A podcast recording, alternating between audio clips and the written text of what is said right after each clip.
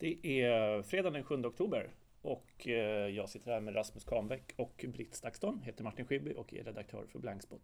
Och vi gör veckans avsnitt av eh, Redaktionspodden. Yes! Yes! Varmt välkomna alla! Ja, tack så mycket! Ja. Eh, nu är inte jag någon programledare för detta. Men jag tänkte bara hälsa välkommen. Eh, ja, temat får väl vara tweets lite grann, som en röd tråd. Eh, ja. ja. Och eh, den tweet som jag tar till bordet var en tweet som blev viral igår. Och eh, där det som påstods komma från Qatar. Där man hade listat 15 saker som var förbjudna i Qatar. Och det var förbjudet att dricka, det var förbjudet att dejta, det var förbjudet att skrika, det var förbjudet att svära, det var förbjudet att bete sig, det var förbjudet att vara homosexuell, det var förbjudet att, ja, allt möjligt. Allt var förbjudet. Eh, och den spreds av en mängd prominenta twittrare och stora konton och stora medier. Och jag tror Ranstorp spred den och sa liksom att Qatar-VM verkar bli jättetråkigt.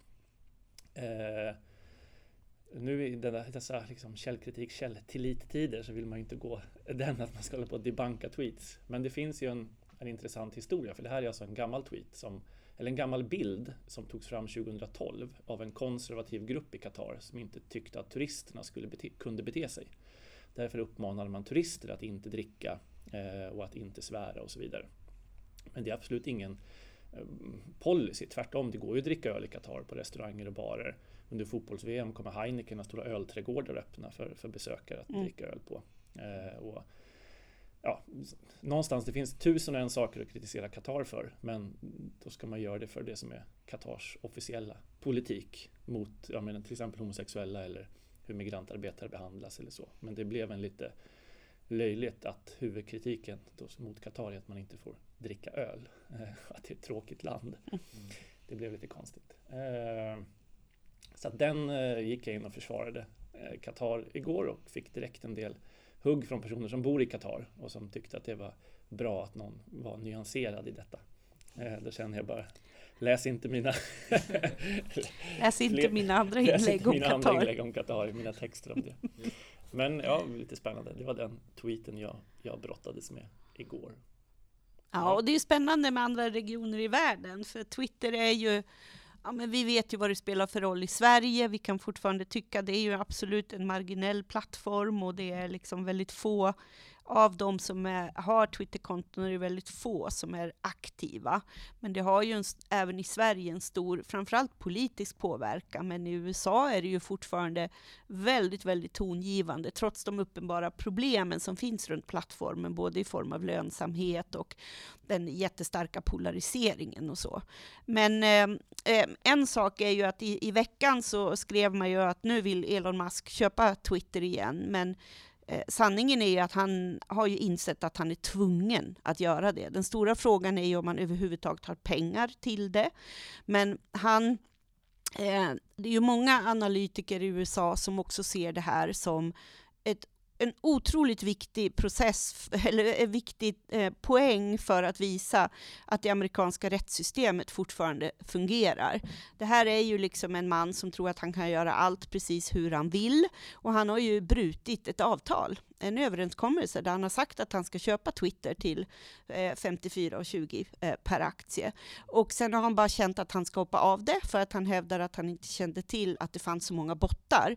Jag tror jag skrev en artikel på Blankspot att det är väl rena dumheter, det vet väl vem som helst. Det finns ju jättemånga studier på hur många bottar som finns och, och det ser man ju överhuvudtaget liksom som en eh, frekvent användare och lär sig att navigera och se tjänst, tjänster Eh, eller fördelar med tjänsten ändå.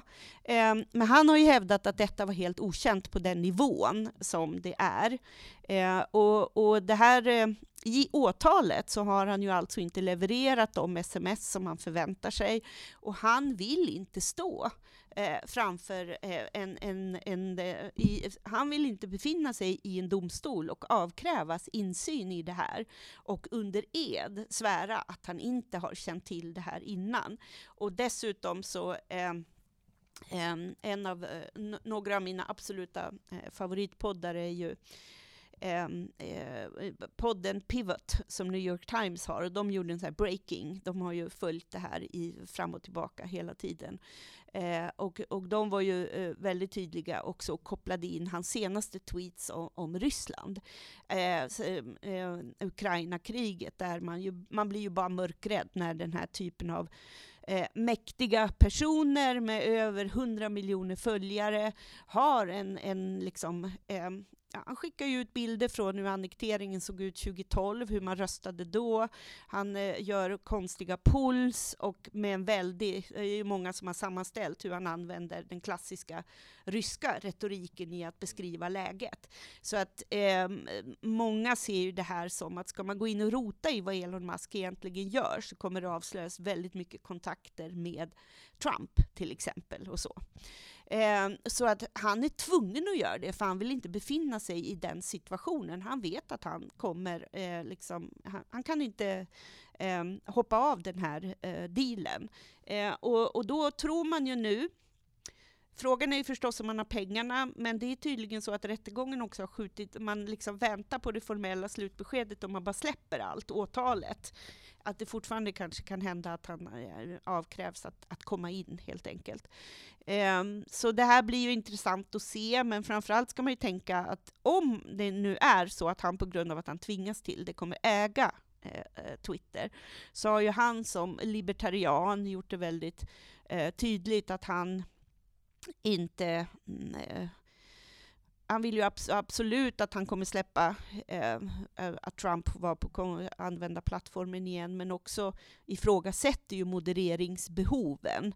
Eh, lite tvärt vad den generella ehm, eh, trenden är till hur plattformar ändå ska kunna utvecklas och fungera och vara ehm, eh, trygga platser för så många som möjligt. Och, och, och den aspekten på Twitter är ju någonting som man fortsatt måste liksom diskutera och synliggöra. Det pratas ju mycket om, kommer ju komma fler analyser av hur, hur även det svenska valet, hur Twitter har använts i det sammanhanget. Och då känns det ju spännande att lyssna på dig Rasmus utifrån andra regioner av världen där också Twitter fortfarande används dagligdags. Ja, det är, ju, det är ju en eh, bra övergång och jag tänker också att, eh, att eh, det här problemet är ju mycket större i den icke engelskspråkiga världen och det är ju ganska känt inom Twitter. Och ett, ett väldigt vanligt exempel är, är Iran där, där ayatollan och även högt uppsatta inom Iran kan uttrycka sig lite hur de vill. Eh, och, det ju, och, det ser vi ju också nu under protesterna i Iran. Men egentligen inte de jag ska prata om, utan det är ju Azerbajdzjan som vanligt. ja, ja, ja. Nej, men man kan ju säga att det har ju varit så tydligt från första början att det finns ju, man, man har ju bara brytt sig om att inom citationstecken affärsutveckla amerikanska, engelskspråkiga mm. Twitter och låtit fruktansvärda saker ske inom andra regioner, länder. Det är ju samma perspektiv som um, Facebook har brottats med hela tiden, att man inte det är svårt att vara en, en, plattform som ska fungera över hela världen när man ja. inte förstår de rådande konflikterna och aktörerna. Precis, och, det är, det är, och Twitter brottas ju med det jättemycket ja. givetvis. Och, och, och, det, och det kan man ju också förstå. Eh, men sen samtidigt, det finns ju ganska tydliga indikatorer. Eh, den här veckan har jag ju ehm, suttit och analyserat öppen data på Twitter eh, genom en mjukvara. Och den här mjukvaran, vad den gör är egentligen, är egentligen att samla den öppna datan och systematisera den. Eh, vilket gör att man kan få fram ganska mycket statistik på hur beter sig egentligen eh, människor och bottar på, eh, på Twitter. Eh, det är ju inte, det, det, är inte något unikt i sig, men det som jag har kollat på är ju specifikt Azerbajdzjan. Eh, och då har jag kollat på delvis hur Azerbajdzjan beter sig i Sverige, men också kollat på hur Azerbajdzjan beter sig eh, eh, under kriget i Nagorno-Karabach. Ehm, och det tycker jag är ganska intressant hur man kan se hur Twitteraktiviteten ökar, inte bara för att det är en, eh, givetvis under alla krig och konflikter ökar ju aktivitet eh, på Twitter, men det är också en artificiell ökning eh, som man får prata om. Och då har jag kollat på delvis trollfabriker. vilka indikatorer kan vi se på att det finns trollfabriker i Azerbajdzjan? jag kollar på bottar som också förmodligen används av trollfabrikerna för att effektivisera arbetet för att få mer spridning på sina saker. Men jag har också kollat på koordinerade cyberattacker eh, av regimen och ganska högt uppsatta människor i den azerbajdzjanska regimen. Um, Men om vi kollar bara på, om vi tar det första, så kan vi se att det här med trollfabriker, att under krigen i Nagorno-Karabach 2020, men också under den här invasionen som var den 13-14 september av Azerbajdzjan mot Armenien, eh, så kunde man se en ganska en, en ökad aktivitet, framförallt både dagarna innan kriget började och dagarna efter kriget slutade. Eh, men också under själva kriget. Eh, och eh, ett exempel jag kollar på är, eh, är eh, konton som har jobbat under arbetstider där man kan se att de har, är, där de har gått till jobbet klockan nio på morgonen och gått hem från jobbet kanske 17.30 på eftermiddagen. Och under den tiden så har de arbetat i snitt fyra timmar med att twittra per dag. Eh, och då när vi säger fyra timmar snittra per dag så är det helt enkelt att det, det är den tiden det tar att skriva tweetsen så att säga. Eh, jag har ett exempel där jag kollade på eh, en person som har twittrat 60 000 gånger eh, på ett år ungefär. Eh, och, och innehållet är ganska identiskt, det är bara regimnyheter. Eh, den här typen av eh, personer, eller vad man skulle kalla det, konton på Twitter är ganska vanliga och de får, och de får fler och fler eh, följare, framförallt för att de följer varandra och så vidare. Eh, många av dem stängs ner av, av, Twitter efter ett tag, men ofta dröjer det ganska länge. Syftet med det är ju egentligen att pusha narrativ, att, eh, att få upp hashtags eh, för att eh, för de ska trenda. Eh, ett sådant exempel kan vi se i eh, bara för ett par dagar sedan när det när när omvärlden, så nu kopplar vi det alltså till den global, eller till, till hur omvärlden reagerar mot Azerbajdzjan. Så att under kriget den 13-14 september så begick Azerbajdzjan krigsbrott som omvärlden har reagerat mot. Bland annat den norska ambassadören i Georgien reagerade kraftigt. Eh, USA reagerade kraftigt, Frankrike reagerade kraftigt. Eh, när omvärlden ganska eh, enat gick ut och fördömde Azerbajdzjan för detta. Dagen efter så släppte man nyheter om att man har hittat massgravar i de delarna av Nagorno-Karabach som man då har åtagit, äh, återtagit efter kriget 2020. Eh, de här, den här nyheten plockade TT upp, va? Ja, den här nyheten plockade bland annat TT upp och, eh, och, och um, refererade till Hikmat Hajiyev. Hikmat Hajiyev är, är presidenten Al Ilham Aliyevs personliga rådgivare i internationella frågor. Eh, och hade som huvudkälla, vilket också är ganska allvarligt, att man, att man på TT plockar upp en nyhet som sedan sprids i 15, 15 stycken medier, bland annat Sydsvenskan och Dagens Nyheter, eh, om att man har hittat massgravar i Nagorno-Karabach och det enda beviset man har är den azerbajdzjanska källan. Um, men då, då under de här dagarna, eh, vad vi kunde se, den aktivitet vi kunde se på Twitter eh, var att man helt enkelt pushade det här narrativet, vilket gjorde att, eh, att eh, i snitt var fjärde sekund kunde vi se en retweet eh, under, under en dag här i måndags kring, eh, kring de här massgravarna. vilket är enormt mycket för ett ganska litet land mm -hmm. med inte sådär jättemånga följare på Twitter rent generellt. Jag räknade precis 60 000 på ett år också. Det är alltså 170 tweets i, eh, per dag. Ja, ja precis. Alltså eh, och, och, och, det här kan vi se på mm. flera och det är inte det, är inte det att det är helt okänt. Eh, däremot är det ganska få som har skrivit om det. Eh, så det är ganska spännande. Ett annat exempel. Men får jag eh, fråga, ja. hur raffinerat formulerade är de? Liksom? Tweetsen? Ja. de är, alltså de, de innehåller ju i princip samma sak. Det är en mening, det är möjligtvis en hashtag i, i den meningen. Alla tweetsen, det, det är både både dåligt, dåligt, raffin, eh, dåligt mm. dåliga tweets och bra Men tweets. Men de är unika så att det sen, och, och, sen så adderas det då med bottarna som du nämnde som ytterligare förstärker dem då. Ja, ja. Precis, eh, så att, så att många av dem är unika, många av dem är copy-paste, men, men jag skulle säga att det, när man kollar på de här olika bottarna så skiljer de sig lite, lite åt liksom, i, i hur de är skrivna. Men detta är inte bottar, detta är säkert människor som sitter och eh, bara jobbar. Exakt, det är det som är spännande, ja. att man liksom ser det, att det startar någonstans på det sättet med x antal individer. Ja. ja. Eh, så att det andra exemplet som är bottarna då, mm. som egentligen hjälper de här individerna att, att sprida sina tweets, eh, eh har vi har jag två exempel där jag kollar på där de har jobbat 167 dagar i sträck 24-7 och har i snitt retweetat var 27 sekund. Mm. Mm. och, detta är alltså under ett halvårs tid har man gjort detta.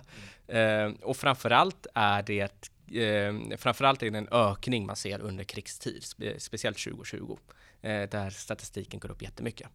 Men alltså det är 167 dagar, 24-7 var 27 sekund har man eh, Och bottarna är då programmerade för att retweeta? Precis, och sen är det många av de här bottarna som har blivit nedtagna. Man ser ju att det är bottar. De, de, de, de, är, ju, de är generiska namn och sådana saker. Mm. Um, så, att det, så det är det. Men det som är lite mer intressant för Sverige, Eh, det är eh, då har jag kollat på en specifik tweet som faktiskt har lite med Blanksport att göra. Så att eh, i, i november förra året släppte Blanksport en artikelserie om journalister som åkte på bjudresor till, eh, till Azerbajdzjan. Eh, och man fick allting inkluderat och betalt och så vidare. De flesta journalister från de resorna, de, eh, de publicerade ingenting. Och en av dem pratade ju faktiskt ut för Blanksport, Thomas Vederius. Mm. Eh, han skriver för övrigt en bok om saken för tillfället.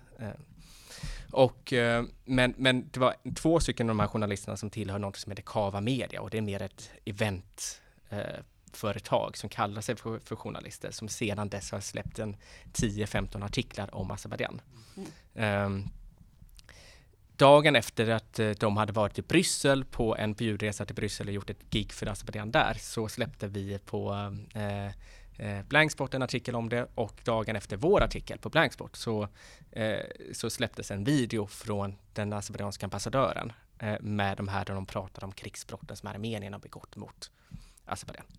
Ehm, den, eh, den videon efter 58 sekunder, den har legat på Twitter i 58 sekunder, så har den 83 stycken retweets. Och detta är inte bottar och troll. Detta är alltså människor som är högt uppsatta inom regimen. Och vi kan se bland annat kan vi se ministern för diasporafrågor eh, och vi kan se eh, presschefen för oljebolaget Sockar är några av dem som har retweetat. Eh, vilket pratar, och då pratar vi om en koordinerad eh, tweetkampanj. Uh, nu blir ju eh, med algoritmerna och så vidare så, har, uh, så blir det så i, i och med alla, uh, alla retweets, totalt 140 stycken, är bara från urkällan, alltså från ambassadören själv. Eh, det gör ju att de inte får så stor spridning i alla fall. Men, men det, det säger någonting om hur man jobbar i Azerbajdzjan med koordinerade attacker. Så det är de här tre exemplen jag har helt enkelt. Mm.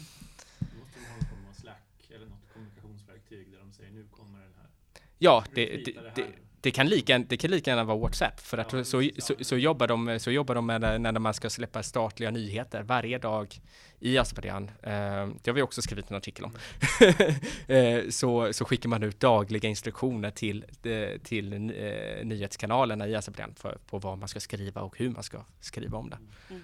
mm. Fantastisk pedagogisk genomgång över de här tre komponenterna. Och, och, så känner man att hela det här libertarianska Silicon Valley-snacket om vad Twitter ska vara eller inte vara, ja men välkommen till verkligheten. Det är så här de här plattformarna används. Eh, och, och, och, i vissa regioner i världen eh, leder ju direkt också eh, ja, men till eh, hot mot journalister, förföljelse av människor och är eh, ja, Ja, verkligen. Det, att, att driva en sociala medietjänst är ju eftersom det så uppenbart kan missbrukas på det sättet. Ställer ju inte bara krav på dem, och man förstår det komplexa i frågan, som handlar om så mycket mer än bara yttrandefrihetsfrågor. Men sen också kraven på journalistiken, som du säger, att TT plockar upp den här. Mm. Hur, hur, ska man... Eh... Nej, och att Twitter någonstans ju sätter, det har väl konstaterats om och om igen, sätter dagordningen för ja. Ja, det politiska samtalet och för vad journalister känner att det är hett och trendigt. Och du läser väl nu han eh, Katomeris bok om agenda och hur man liksom följer Twitter-diskussionen. Oh, jag har glömt bort den. Jag, jag köpte den ju under bokmässan. Ja, ja, ja, jag följer Twitter-diskussionen så liksom slaviskt. Och slaviskt. Så, vad någon tycker där. Värre än vad jag någonsin hade trott. Ja, jag har ju påstått det här om och ja, om igen. Ja, att man, och eh, så får man från insidan ett sånt bevis på detta. Men när, alltså när, jag minns ju arabiska våren när man sprayade Twitterfågeln på liksom, Tahrirtorget. Ja. Det var ju verkligen en frihetssymbol. Fågeln som flög fri med information. Och när, när kom staterna på att de skulle... När svängde det här? Mm.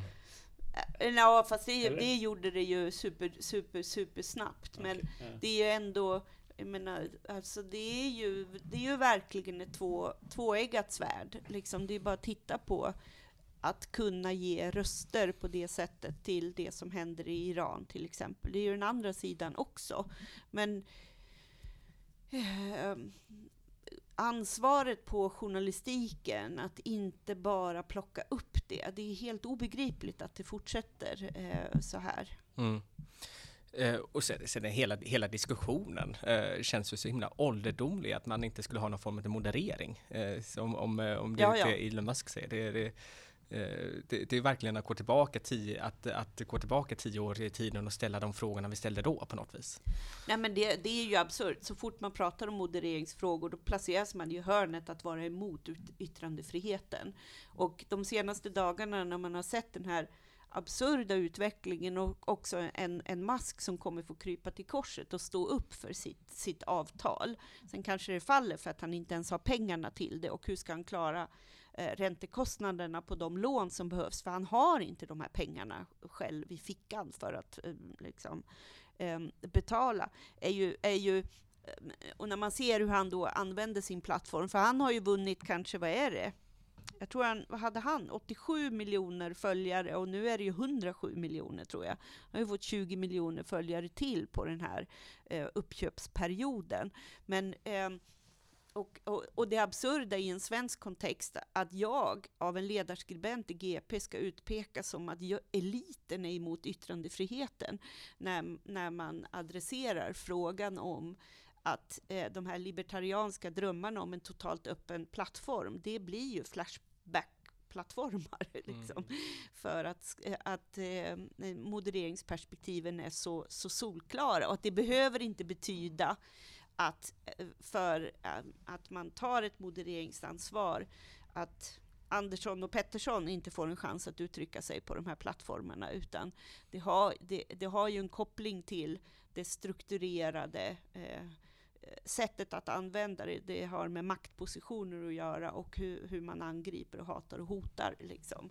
Eh, ja, det, det, det är otroligt intressant men jättebekymmersamt att se hur man ska lotsa vidare i det. Hur mycket tid har det tagit för dig att förstå hela den här bilden? Det känns ju som en prioriterad del när man jobbar med, med att bevaka frågor. Eh. Vi har ju jobbat eh, med det här i två år skulle jag säga, men, men, eh, ju, men att få verktygen att förstå det, det tar ju längre tid. Alltså ja. det, och, och, att när man ser, mycket av det här är, har ju tidigare varit magkänsla, där man ändå kan se, se, se, se vissa mönster. Mm. Känn, och, så det, det, är rätt skönt att faktiskt få det svart på vitt hur det egentligen ser ut. Mm. Uh, och ta fram den här typen av data. Mm. Och så fantastiskt exempel för att vi, det blir ofta de här klassiska konflikterna eller det är den här Jo, men samma mönster finns ju i ja. Tigray-konflikten. Det kommer ju någon, ja. det var Los Angeles Times som gjorde sin analys av tweetsen i början av det kriget.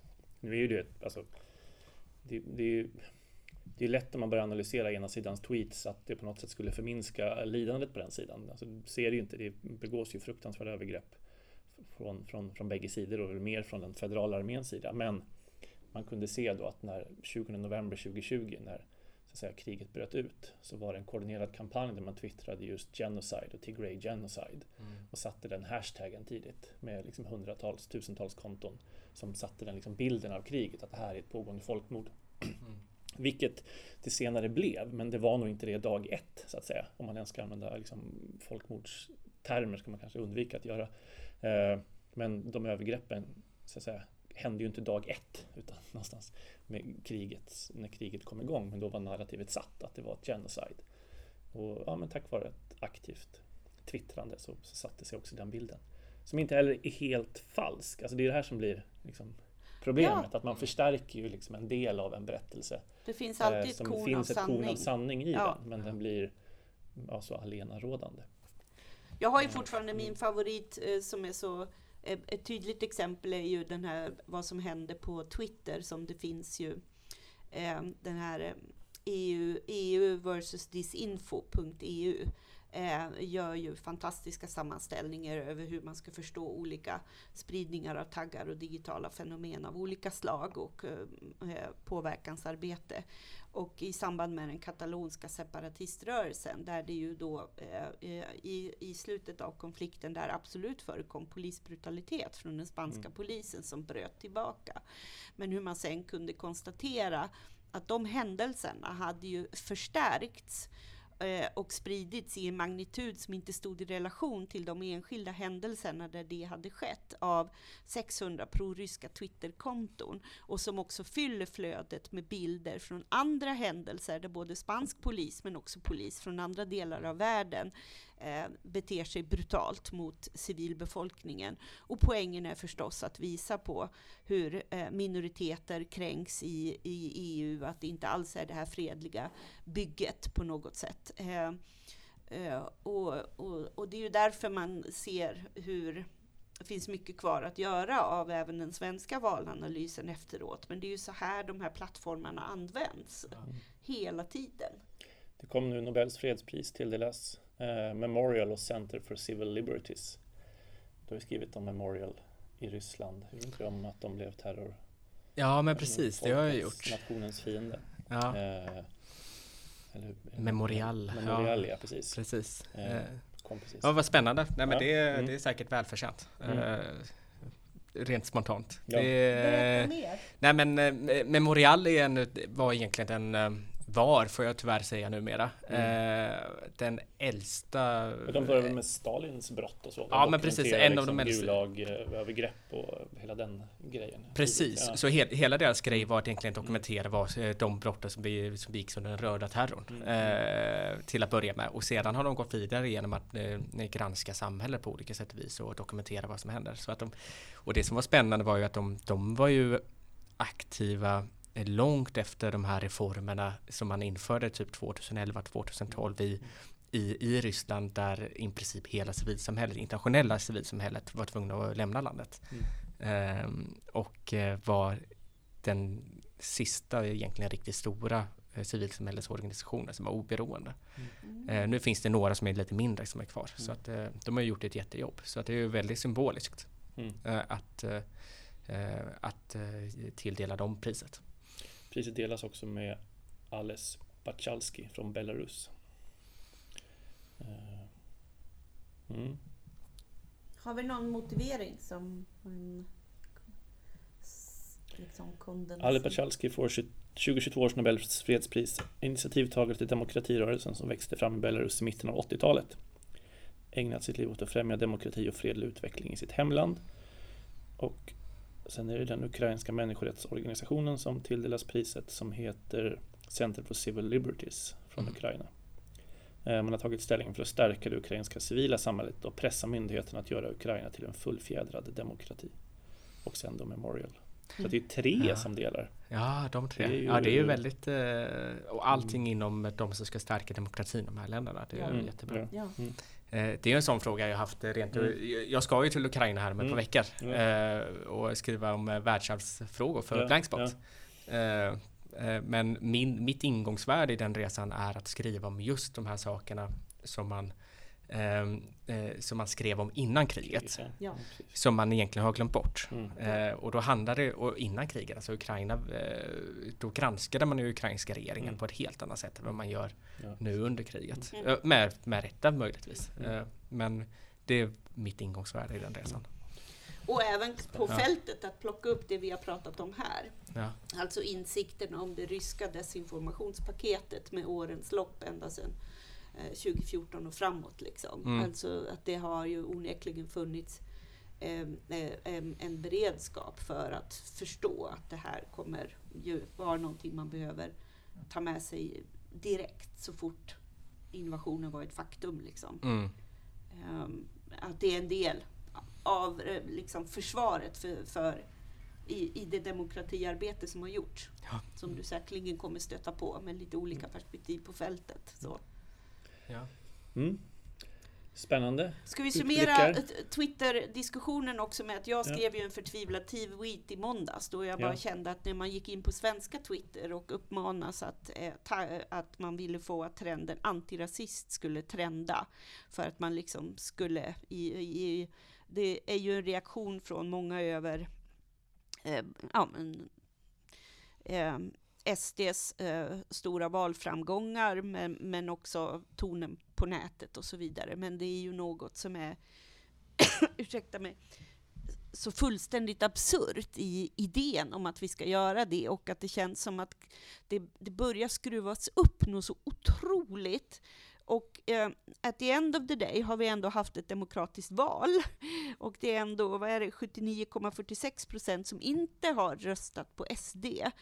Och det känns som att ska vi, behöver vi skapa en tagg för att eh, lyfta upp perspektivet av antirasism, som ju på något sätt väl ändå är en grundläggande norm om vi tror på de mänskliga rättigheterna som ändå är en utgångspunkt. Mm. Eh, och det är vår egen grundlag. Det är vår egen grundlag och, och, och vi bara tappar bort det och, och också på något sätt finns det i tonläget en sån, vi kan inte säga att de här dryga, dryga 20 procenten som har röstat på SD är fullblodsrasister.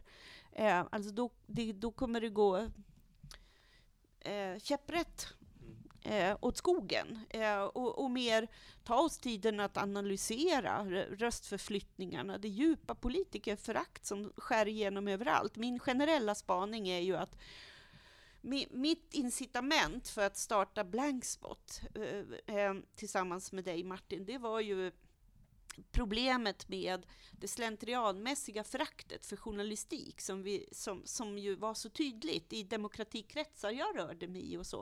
Och jag brukade ju säga att på samma sätt som vi Eh, hoppas jag, reagerar när det slentrianmässigt förekommer rasism i middagssamtalen, så ska vi, när vi hör det, samma om journalistiken, försvara den. Det betyder inte att man inte kan vara mediekritisk och att det finns skitdålig journalistik och finns en massa, men eh, försvara liksom journalistiken som fundament. Och nu känner jag ju att det är ju läge för oss alla att fundera på hur vi bara slänger ur oss skit, ursäkta, mot politiker dagligdags. Liksom. Det finns ett så djupt politikerförakt.